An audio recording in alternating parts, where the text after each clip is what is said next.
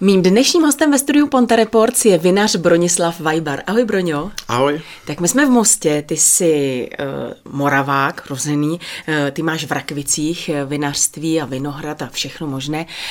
Přesto, že to je kus cesty, tak eh, tady u nás si velmi známý, to vím, tady u nás na Mostecku, vinařství Vajbar, tvoje vína tady lidé znají. A teď se tě zeptám hned takhle na začátek, znáš ty třeba naše místní mostecká vína, máš je ochutnaná? Mám je ochutnaná, ale chystám se sem někdy, že pojedu za vínem, tak je, jak jezdím do Itálie, do Rakouska, do Francie, tak se chystám, že pojedeme do Čech a spoustu Moraváků se chystá, že pojede do Čech ochutnat víno, protože za těch x let, co se tady vynaří, tak ta kvalita šla strašně nahoru a, a chceme své konkurenty ochutnat a poznat je, takže určitě. A umíš, umíš pochválit víno i svého v úvozovkách konkurenta? Umím smeknout klobouk, umím prostě říct, že to víno je neskutečně dobré, a de facto v dnešní době tak vysoká kvalita, že i když by to víno bylo trošku to, co se mě třeba nelíbí, tak eh, chválím všechny, protože ten vinohradník, ten vinař pracuje s přírodou. Pracuje to, co mu dá sluníčko, to, co mu dá vláhu, to, co mu dá ty minerály. Takže každé víno je takový malý zázrak eh, ve sklenice. A já tomu říkám, že přenášíme sluneční paprsky my vinaři do skleničky, aby vy, konzumenti, jste mohli zjistit, jak to sluníčko v tekutým provedení chutná. Eh, když se tě zeptám, jaká máš rád vína, nechci slyšet, že samozřejmě nejradši máš ta svoje. To by ale... jsme tu byli asi dlouho, protože mm, já to přirovnám k malířovi. Malíř, když měl špatný období, maloval špatné obrazy a takové obrazy, a když měl dobré, tak maloval takové obrazy a tak je to i u vinaře. Eh, člověk, když nad tím nepřemýšlí, tak by vůbec eh, nepochopil, že vlastně v jeho průběhu dozrávání let se mu mění chuťové vlastnosti. Já jsem ve 20 začínal na sladších, bílých, aromatických vínech jako muškát moravský, Iršaj Oliver a teďka za těch eh, téměř 30 let vynaření už si pochutnám na Rizlínku rýnském, Rizlínku vlašském, který ani nemusí být mladý, který může být třeba 2-3 roky nazrálý, na sudu může být nazrálý a samozřejmě v našich klimatických podmínkách, eh, my to krásně vidíme, nás eh, všechny lidi ovlivňuje počasí, aniž bychom chtěli. To znamená leden, únor, možná březen, podle jaké je zima, tak začínáme pít červená vína. Nikdo nemá asi chuť v lednu, kde je minus pět a napadne sníh, si dát vychlazené krásně, být krásné e, bílé víno, každý šáhne po tím červeném. Takže mění se to a nedá se říct, že bych měl vyhraněno jedno víno, jeden druh, jeden styl. Ochutná si v průběhu roku, si ochutnám různé druhy vín, jaké je počasí. Když je teplo, tak si dám frizante, dám si sekt, když je zase zima, eh, tak si zase dám eh, krásné, mohutné červené víno. Eh, někdy možná v polovině, po polovině ledna už eh, šlo do prodeje v úvozovkách minimálně u vás eh, vína roku 2022. Jaký byl ten tedy loňský rok z pohledu toho vinaře, z toho počasí a jaká tedy jsou ta, ta vína z toho loňského roku? Můžu říct, že jestli mám výhodu nebo nemám výhodu, víno už dělám 30 let a před 30 lety, když nám hrozný dozráli do pozdního sběru nebo do výběru z hroznu, tak to byl zázrak. V dnešní době je to samozřejmost. Já si myslím, že jsme se klimaticky posunuli na Jižní Moravě o 600-700 km jižněji, to znamená, že máme počasí někde jak v Benátkách nebo ve Voroně. A proto eh, ten každý rok už na Moravě teďka eh, ve vysoké cukernatosti.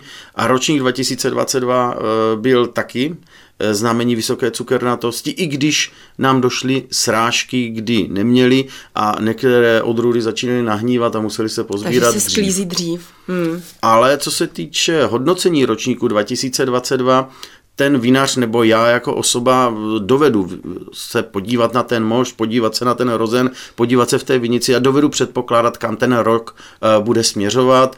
Řeknu na rovinu, ročník 2021 byl nadprůměrný, co se týče kvalitou, aromatikou, extraktem, hustotou toho vína. Eh, ročník 2022 bude takový jeho slabší brácha, ale které ještě hodně sportuje, který prostě možná ho dožene v některých odrůdách, takže ročník 2002 byl naproti dlouhodobého průměru byl lepší průměr a jsou tam, jsou tam zajímavá vína, na kterých se musí chvílečku počkat, možná rok, rok a půl, ale zákazník, konzument, co má rád moravský vína, tak se má na co těšit a má zase co objevovat. Eh, jaká je ta tvoje vlajková loď u vás ve vašem vinařství? Je nějaké víno, na které jsi opravdu obzvlášť tedy hrdý, pyšný? Vlajková loď, tak jak já mám eh, různé chutí a mění se mě eh, za tu dobu, co vinařím, tak ta vlajková loď se nám změnila. Změnila se nám před 20 lety z veltlínského zeleného na pálavu, kterou už v dnešní době děláme suchou, polosuchou a po milovníky sladkých vín i sladkou. A v dnešní době už ta vlajková loď to převládá Riesling Vlašský, který nám nazrává na pálavských eh, kopcích, na Palavě, v HKO Pálava a to je asi naše vlajková loď, protože i u konzumentům, tak jak všichni dozráváme, tak eh, se mění tí chutě a teďka je v České republice asi číslo jedna odrůda nejvíc vyhledávaná Riesling Vlašský, takže to je naše vlajková loď, s kterou se nám daří eh, nejenom u zákazníků, ale i na výstavách. A ty chutě se nemění pouze tobě, ale ty už to zmínil. Asi jsme se posunuli, že jo, někam, jak co se týče... Já bych ani neřekl, že posunuli, my vinařsky říkáme, že jsme se k tomu propili. Celý národ jsme se k tomu propili, že už tomu vínu rozumíme. Všichni jsme se dostali do světa, jeli jsme na dovolenou do Itálie, do Chorvatska, do Španělska, jsme všichni ochutnali víno a díky tomu, jak všichni pečlivě doma přechutnávají nejenom moje víno, anebo mojich kamarádů, ale i to zahraniční, tak jsme se nekonečně posunuli kvalitou. Máme mezi sebou spoustu lidí, kteří tomu rozumí, kteří opravdu se na nic nehrajou, ale mají to přechutnáno, protože Eh, je to tak jak cyklista, je to tak jak lyžař nebo gymnastista, kteří musí furt cvičit a trénovat, tak i my vinaři musíme trénovat, aby jsme věděli, jak ten ročník chutná.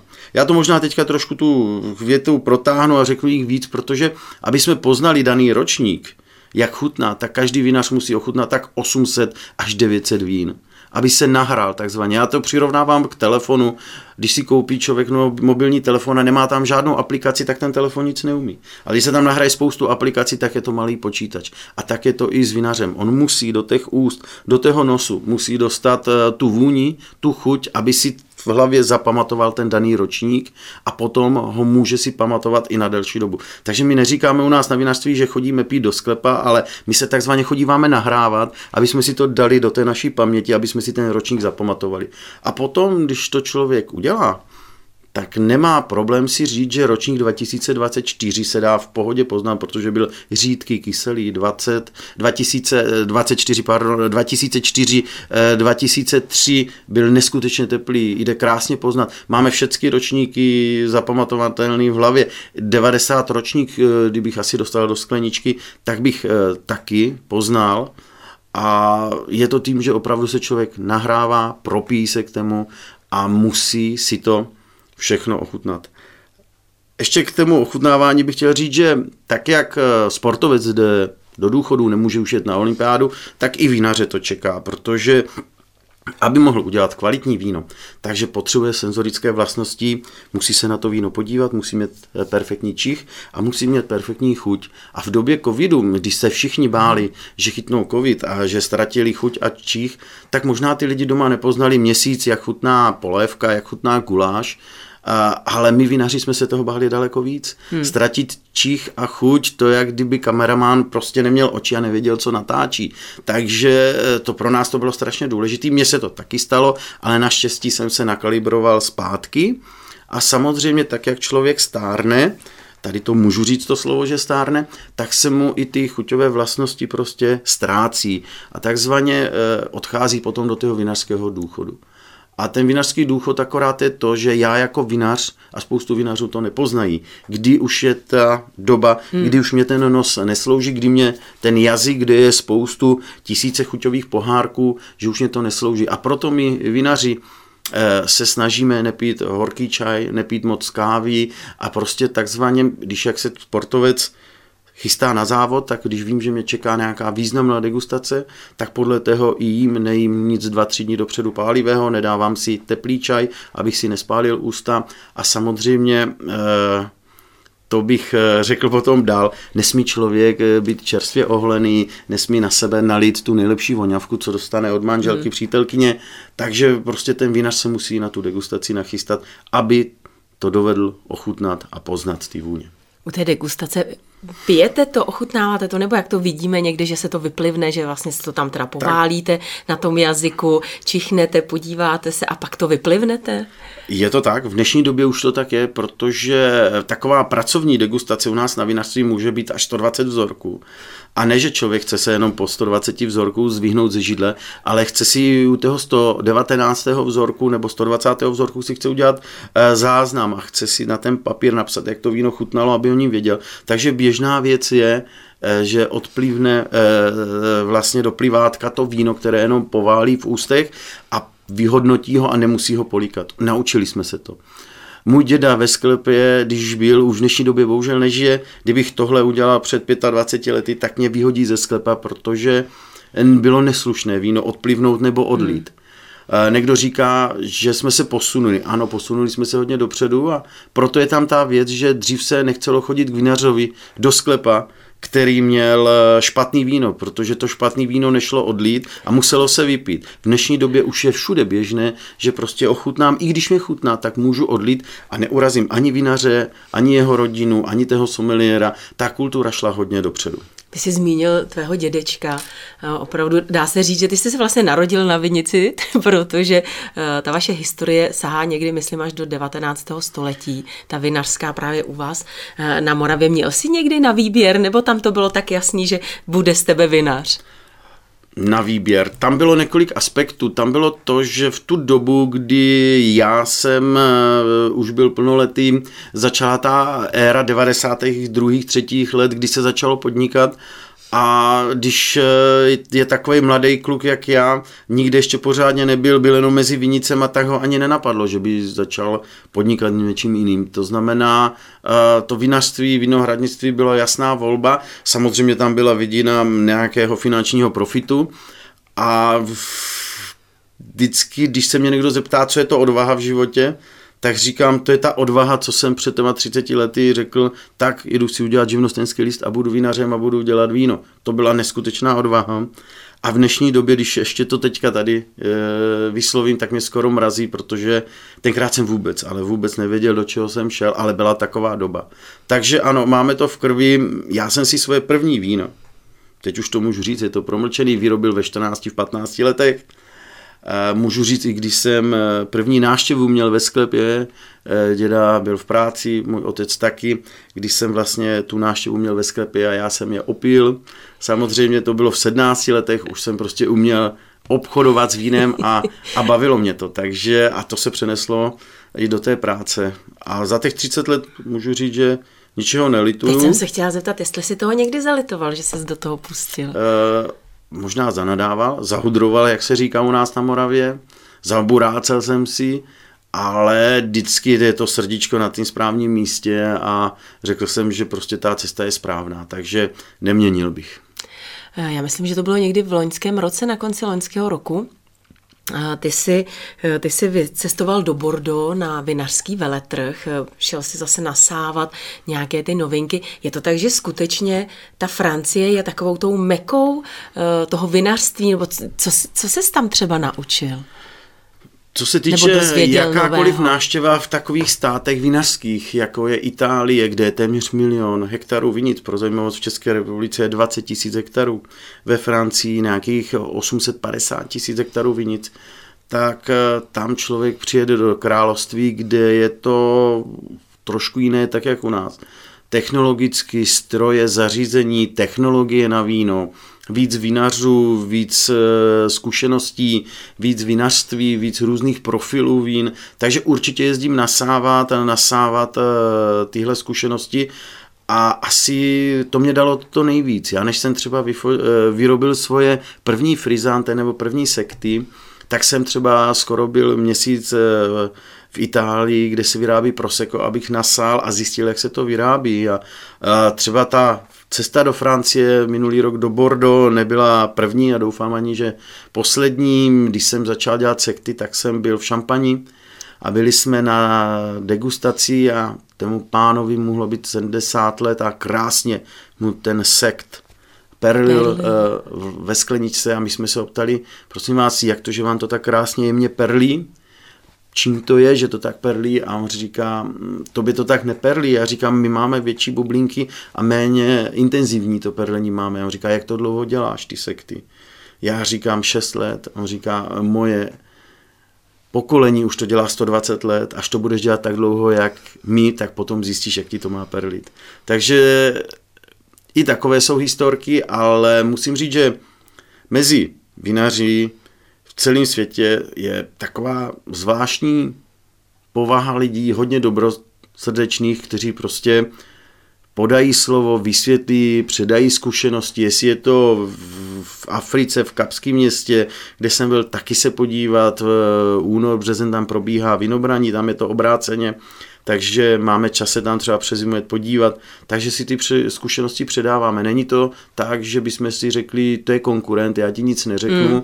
Je možná i to, že my se rádi trochu, my vinaři pochlubíme s tím vínem, takže rádi, rádi ukážeme, co máme, takže určitě se dá načerpat spoustu věcí a je spoustu kamarádů, kterým se prostě řekne, až bude v České republice, tak přijeď, člověk mu dá vizitku, z hodně případů se nikdo už potom neukáže, ale stane se, že za pět let prostě někdo zavolá nebo zabouchá takzvaně na dveře, že je tady z Itálie, jede do Brna a že si chce ochutnat víno a člověk mu rád otevře to naše vinařství a pochlubí se, jak to máme zase my. Takže ve světě čerpáme zkušeností, načerpal jsem jich tam hodně a v dnešní době si myslím, že moravské vinařství je na takové úrovni, že už i sem můžou jezdit vinaři z okolních zemí a zase se dívat, jak to děláme my a čerpat informace.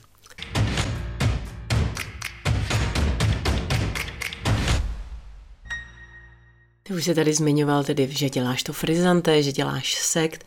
Jaká vína tedy ještě u tebe jako najdeme? Vím, že už jsi zmiňoval i ta slámová vína, ledová vína.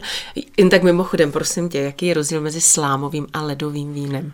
Legislativně je tam velký, co se týče chuťově, je velice podobný, protože se jedná ve většině o víno, který má nižší obsah alkoholu a, a vysoký obsah cukru. My tomu takzvaně říkáme lepidlo, ale zase nemůžeme říct, že tady tohle by nebylo víno, protože mám spoustu, spoustu vín a vinařů a milovníků vín, co začínali ochutnávat ledové víno a potom se dostali až na suché. A jak se vyrábí ledové víno? Ledové víno v našich klimatických podmínkách se vyrábí rok od roku horší, protože u nás na Moravě musí minimálně 2 až 3 dny být minus 7 a to kolikrát u nás hmm. není. Naše nadmořská výška je kolem 140-170 metrů nad mořem a ty teploty, když se dostávají na minus 7, opravdu bývají zřídka a už je to i vzácností na Moravě udělat eh, ledové víno. A sklízí se při minus 7, aby ta šťáva a ten hrozen eh, vlastně zmrzlý a zůstane jenom ten cukr koncentrovaný, hmm. který se jemným tlakem potom vylisuje a hrozný ne, že mají jenom obrovské množství cukru, ale přenáší se tam obrovské množství aromatiky, chutí, kyseliny a to víno je opravdu sladké a sladké je tak, jak kdybyste eh, pili asi zakoupený sirup v obchodě, to znamená tam až 250 gramů cukru na jeden litr vína, to znamená, je to opravdu sladké. Tohle víno se hodí jako digestiv, to znamená při nějaké slavnostní příležitosti je to třeba v lahvičce o 0,2 deci a v pohodě to může ochutnat 7-8 lidí, k tomu si dát nějaký třeba zákusek a ochutnat, jak ten vinař umí udělat to ledové víno. Slámové víno je trošku složitější, tam se musí hrozně správně pozbírat, ručně, uložit někde na půdu, buď můžou být pověšeny, zavěšeny tak, aby byly e, v průvanu, anebo můžou být položeny na slámě. Ve většině případů je to nějaká půda, kde je hodně větrno, aby tam nedošly plísně. Takhle e, pozbíraný a sušený hrozný se musí sušit minimálně 90 dní od sběru a cukernatost potom těch seschlých hrozinků při lisování musí být minimálně 27 cukernatosti. E, ten rozdíl tam je ten, že je to ještě daleko víc koncentrovanější, e, je to opravdu úplně unikát, co se toho slámového vína týče a kolikrát se může stát, že se to nepodaří, že ten ročník je špatný, že ty hrozný můžou na té půdě nahnít a ten vinař z toho už to víno nevyrobí. Je to taková vzácnost, je to doplněk, eh, je to už v dnešní době jako dárek, který se dává na Vánoce, na Valentína, něco sladšího, aby si to chlap vždycky doma vyžehlil. A já si myslím, že to v našich zeměpisných šířkách, kdy jsme jedno z nejsevernějších vinařství v Evropě, eh, patří vyrobit slámové a nebo ledové víno, protože v Itálii ho ve Španělsku nevyrobí, protože tam jim hmm. nemrzne. Takže patří to sem, je to okrajová věc, ale je to záliba a je to takový ten vrchol zase toho vinařství, že ten uh, vinař umí tu ledový a to slámový víno vyrobit. A když bych řekl, jakým časovým trendem se to zdá, my jsme teďka zjistili, že zhruba každý dva roky se dá klimaticky vyrobit ledové víno, protože v letošním roce by to šlo, minulý rok to zase moc nešlo, takže každý druhý rok je takový zajímavý na to a ještě zajímavostí, že jak je země a Česká republika v období Vánoc v tím nejchladnějším prostředí, protože je nejdelší noc, je chladno, tak vždycky ten sběr ledového vína vychází kolem svátku, takže před dvoma lety jsme sbírali 23. na 24. takže i vinař se ocitne v práci na štědrý den a dělá si takovou nadílku, že sbírá uh, slámové nebo sbírá ledové víno. No ona ta unikátnost hlavně toho slámového ledového vína se odráží i na ceně. Jde mi spíš o to, jestli už my Češi jsme se uh, naučili v uvozovkách utrácet uh, peníze za dobrá vína, jestli už to oceníme, umíme určitě, ocenit. Určitě a člověk by někdy žasl, že přijede k nám na vinařství upocený cyklista a řekne si, tak ten si dá dvě deci vína, dá si kafe, podívá se, co máme za víno a pojede dál. Ten cyklista naraz vychladne, naraz začne povídat o víně, začíná znášet nějaký nároky, že chce o tom víně vědět něco víc a naraz se ten cyklista tam za dva, za tři dní objeví s autem, že jde z dovolené, že tady byl na Moravě na dovolené a nakoupí si ty vína, co si přechutnal a vůbec ho nezajímá, co se týče nějaké cenové rozhraní, protože jede si udělat na Moravu zážitek, jede si udělat dárek a víno v dnešní době za 250-300 korun už eh, není to, že by to bylo něco výjimečného, je to běžná cena a eh, lidé za tady tyhle vína milé rádi zaplatí, protože mít eh, hezký večer s někým, keho mám rád vedle sebe a u toho pít průměrný víno, na kterém jsem ušetřil 100 korun a neudělat si ten hezký večer, tak to skazí celý ten večer. Ale když člověk si prostě tam otevře tu správnou láhev, nemusí to být ani z našeho vinařství, z jakýkoliv jiného vinařství, tak ten večer se nese úplně v jiném duchu a člověk má potom krásné vzpomínky na to perfektní víno. A tady bych chtěl ještě říct jednu věc, se stává ta věc, že spoustu lidí jede do zahraničí, je na dovolené, tam si koupí víno, tam ho popíjí a je mu s tím vínem strašně dobře a potom mě i několik lidí volalo, že přijeli domů, dovezli si ze zahraničí to samé víno a za měsíc si ho otevřeli a že se jim zdá, že jim ten vinař prodal něco jiného. Já říkám, nebojte se, nikdo vám nic jiného hmm. neprodal, protože na té dovolené jste byli odpočinutí, měli jste správné prostředí, měli jste perfektní pohárek, měli jste k tomu místní jídlo a to víno vám chutnalo. A vy jste měli náramnou, krásnou atmosféru. Vy to máte v hlavě zakodovaný, že s tím, tímto vínem, třeba z Francie, vám bylo dobře, vy máte špatný den v práci a vy si to dobře chcete udělat večer, vy si to víno nachystáte, nalejete si ho do pohárku a teďka, protože si pamatujete tu úžasnou dovolenou, děti nezlobili, bylo všecko v pořádku, a teďka si nalejete to víno a očekáváte, že vám bude úplně stejně. A ten efekt nepři, nepřichází, protože nemáte tu pohodu. To víno je úplně stejné, to znamená, ono se nezměnilo to víno v té láhvi a změnilo se v prostředí, v kterém ho pijete. Ne, že by vám v tom vaším domě bylo špatně, ale nemáte ten klid, nejste odpočinutý, nejste správně vyspaný, není, není ta pohoda tak, jak na té dovolené. Takže já vždycky říkám lidem, nelekněte se, že to víno vám chutná úplně jinak. Když si teď koupím o tebe víno, třeba ten loňský ročník nebo to 2022, to víno není určené k archivaci. Dokdy je dobré to víno vypít?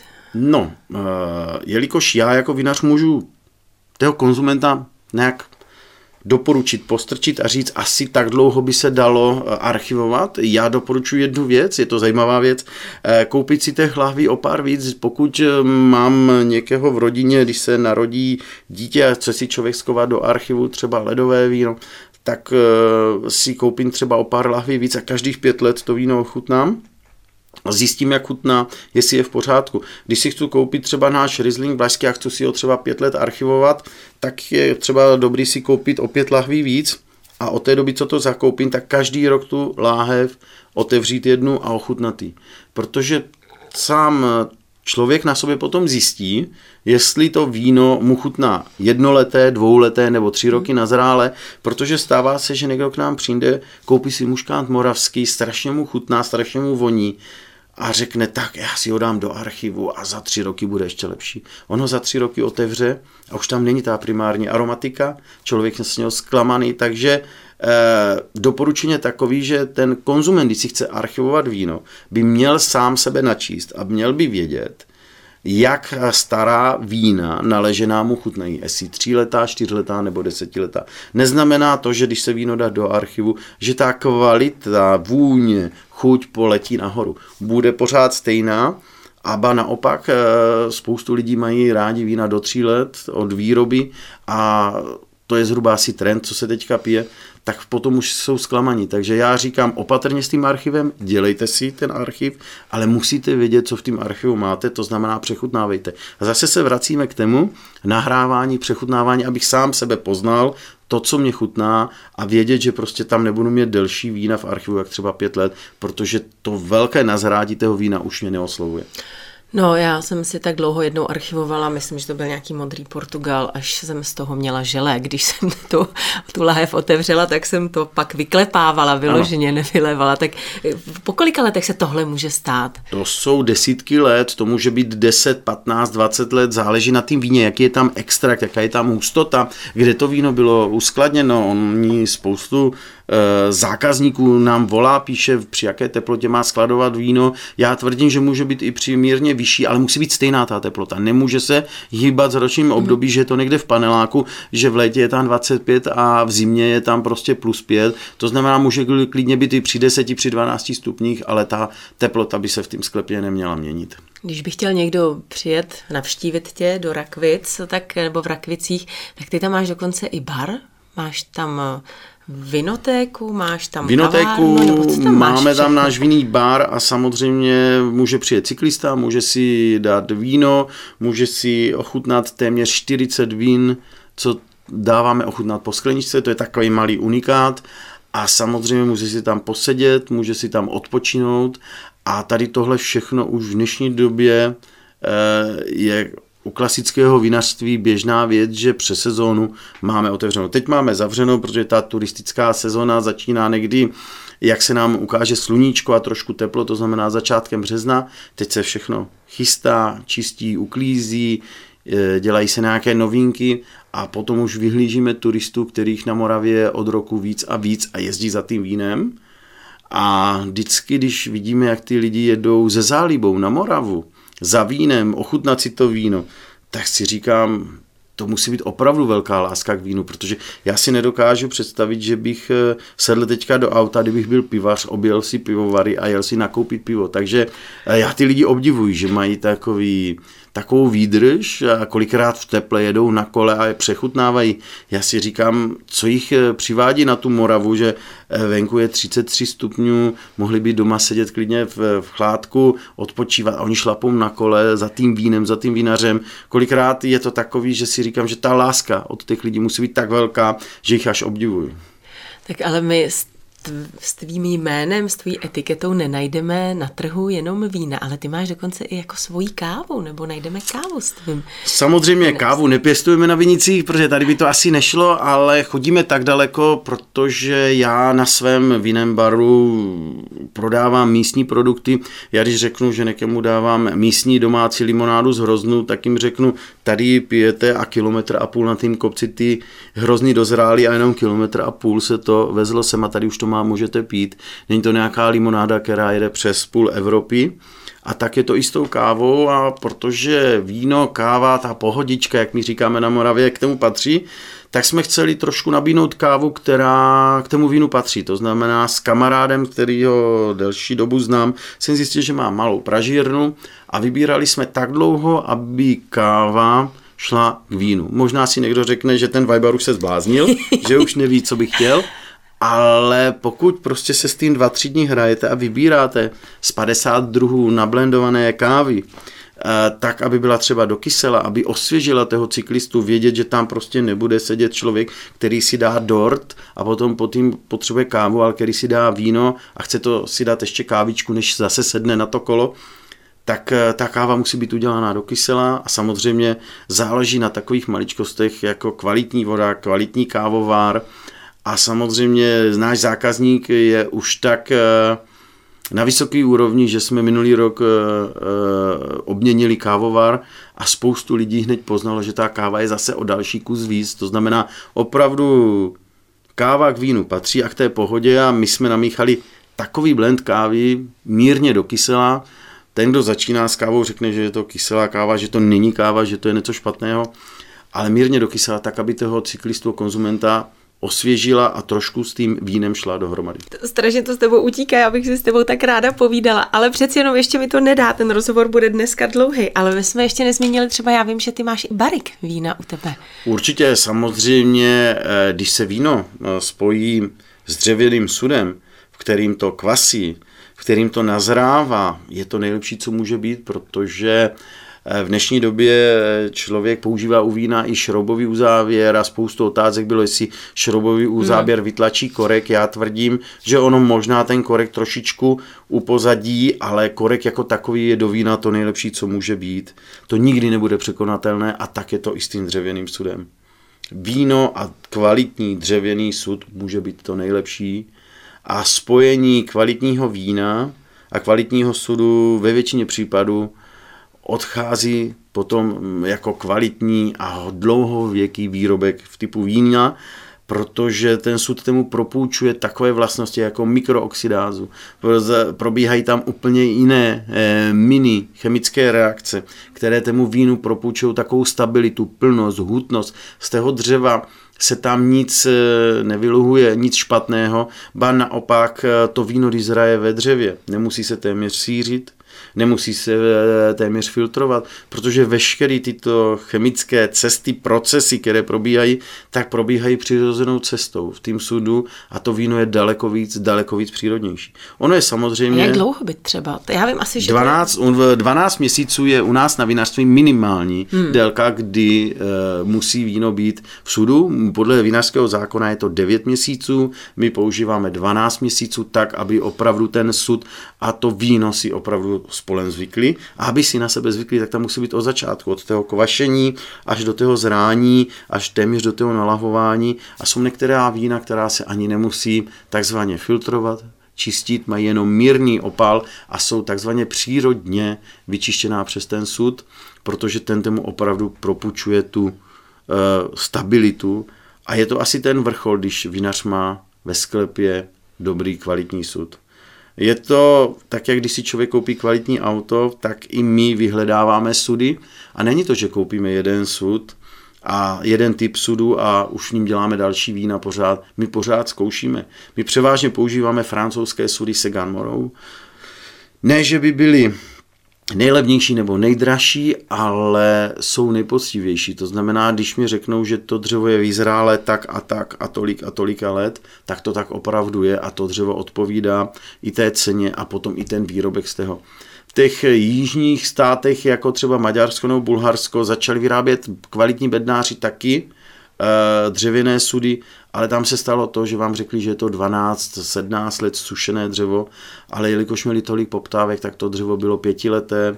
Vy jste si v domění koupili perfektní sud a to víno se potom, ne že úplně skazilo, ale díky, že to dřevo nebylo přírodní cestou vyschlé, tak se tam do toho vína dostali mm. hořčiny, kyseliny a nebylo to ono. To znamená, je potřeba mít svého bednáře, kdo vyrábí sudy, kdo se zná s ním a kdo ví, že mu prostě řekne správné informace. A v našem případě je to firma Segan Morou z Francie, kde jsme byli až tak daleko, kde vlastně eh, prodejkyně těchto sudů z Francie jezdila k nám na Moravu a vyhledávali jsme eh, dřevo, typ pálení tého dřeva, jsme vyhledávali na ty naše vína, protože nemůžeme použít stejný sud ve Francii na červená vína, jak když chceme použít na naši frankovku. Musí být zase něco jiného, protože ta naše frankovka není tak tělnatá, tak jak jejich červená vína.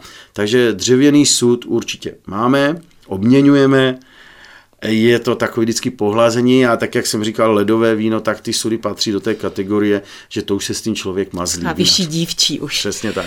Jak říkám, mohli bychom si povídat dlouho, dlouho, jenom ještě poslední otázka. Co teď tě čeká na Vinicích? Tak eh, teďka na Vinicích se dokončuje zimní řez, kterým už se vlastně redukuje budoucí násada hroznu, to znamená, už musíme mít v hlavě, co chceme z každé vinice vyrobit, jestli z toho bude sekt, frizante, anebo víno, které bude delší dobu zhrát na, na sudu, to znamená, tohle všechno už je za námi, takzvaně se začnou vázat tažně, to znamená, ten letos se musí uvázat na dvojdrátí a budeme očekávat, eh, co s náma udělá příroda, jestli nám naprší, a někdy začátkem dubna nebo v polovině dubna, jak se oteplí, takže takzvaně se do révy začne tlačit míza. A jak jsou uvázané oblouky, tak začíná plakat réva. A je to období, kdy začíná život na vinici, začínají se nalévat pupeny a začíná rašit réva. A čekáme, protože v to období duben a květen ještě bývají jarní mrazíky, jak vždycky přečká ta vinice, jak je poškozená jarníma mrazíkama.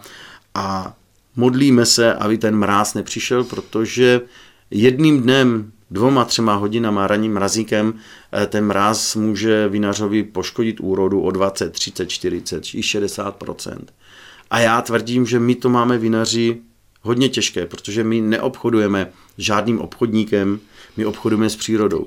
A ta příroda prostě někdy na nás bývá milosrdná, někdy zase ne. A proto to ranní vstávání a člověk se dívá na nebe a dívá se, jaký bude počasí, jak to bude a už známe, eh, kde prší, už známe v tím našem katastru obce Rakvice, Zaječí, Přítluky, Velké Pavlovice, kde když dojde bouřka, kam se máme jít podívat, eh, kde jsou pásy takzvaně krupobytí, kde může být krupobytí, už známe, kde může napršet daleko víc vody a už víme, kde je ten profil těch vinic eh, kopcovitý, tak tam bývají větší srážky, jak někde na rovinách. Takže známe to a eh, vyčkáváme tady na toto. Když všechno dobře dopadne, tak v, v druhé polovině května už bývá pro vinaře veselo, už vidí, jaká je tam násada takzvaně e, úrody a už vidí malinké hrozinky, které se neskutečným způsobem rychle vyvíjejí a zhruba koncem května a, až, a nebo v první polovině června začíná kvetení révy a tam se říká 100, 90 až 100 dní od kvetení révy začíná vinobraní, takže když začne kvet stréva vína, tak už si dovedeme spočítat, kdy asi ty hrozny dozrajou. A tam už bývá veselo, bývá to krásný pohled na vinice, bývá spoustu, spoustu práce, a samozřejmě ten pohled na vinice, já vždycky říkám lidem, že my ne, že jenom děláme krásné víno do pohárku, s kterým je vám hezky, ale my utváříme i fotosyntézu, protože vinice vytváří eh, kyslík, tak se vám u, nás na Moravě lépe dýchá, když k nám přijedete. A nejsou u nás na Moravě nějaké lány kukuřice nebo řepky, ale na těch kopcích jsou vinice, kde lidi pracují, kde mají práci a utváříme relief krajiny Jižní Moravy a proto ty dotace do toho vinařství za těch 10-15 let šly obrovské, ale opravdu ty dotace nejsou na to, aby jsme si koupili nové auto, ale aby jsme investovali do té přírody, aby jsme vydrželi s tou přírodou, když nám nepřeje počasí, aby jsme tady tohle všechno zvládli. Já si myslím, že moravské a české vinařství je eh, našlápnuto do velké budoucnosti tím správným směrem, trošičku nám eh, ty mladší lidi utíkají pít eh, zahraniční víno, protože spoustu cestujou, ale vrací se k těm vínům a já si myslím, že když budeme eh, takhle rozumět a pít vínu celou dobu, jak je to teď, tak se budou mít dobře i naše děti, které jednou to naše vinařství přeberou. V dnešní době už ve vinařství pracují a bude jim to dělat stejnou radost, si myslím, tak jak mě, protože je to práce, ale je to i koníček a je to velká radost. A je to i poznat z toho, jak o vínu mluvíš krásně. Já ti moc krát děkuji, Broňo, že jsi vážil cestu, že jsi přijel za námi. Přeji ti samozřejmě hodně štěstí a příroda a tě k vám milosrdná. Děkuji, děkuji moc a mm, rád jsem si po, o víně povykládal zase trošku jiným způsobem, protože my jsme ve sklepě jenom opřítí osud, obečku a vykládáme si vinařský, tady jsem to mohl trošku rozvinout. Mým dnešním hostem ve studiu Ponte Reports byl Bronislav Vajbar.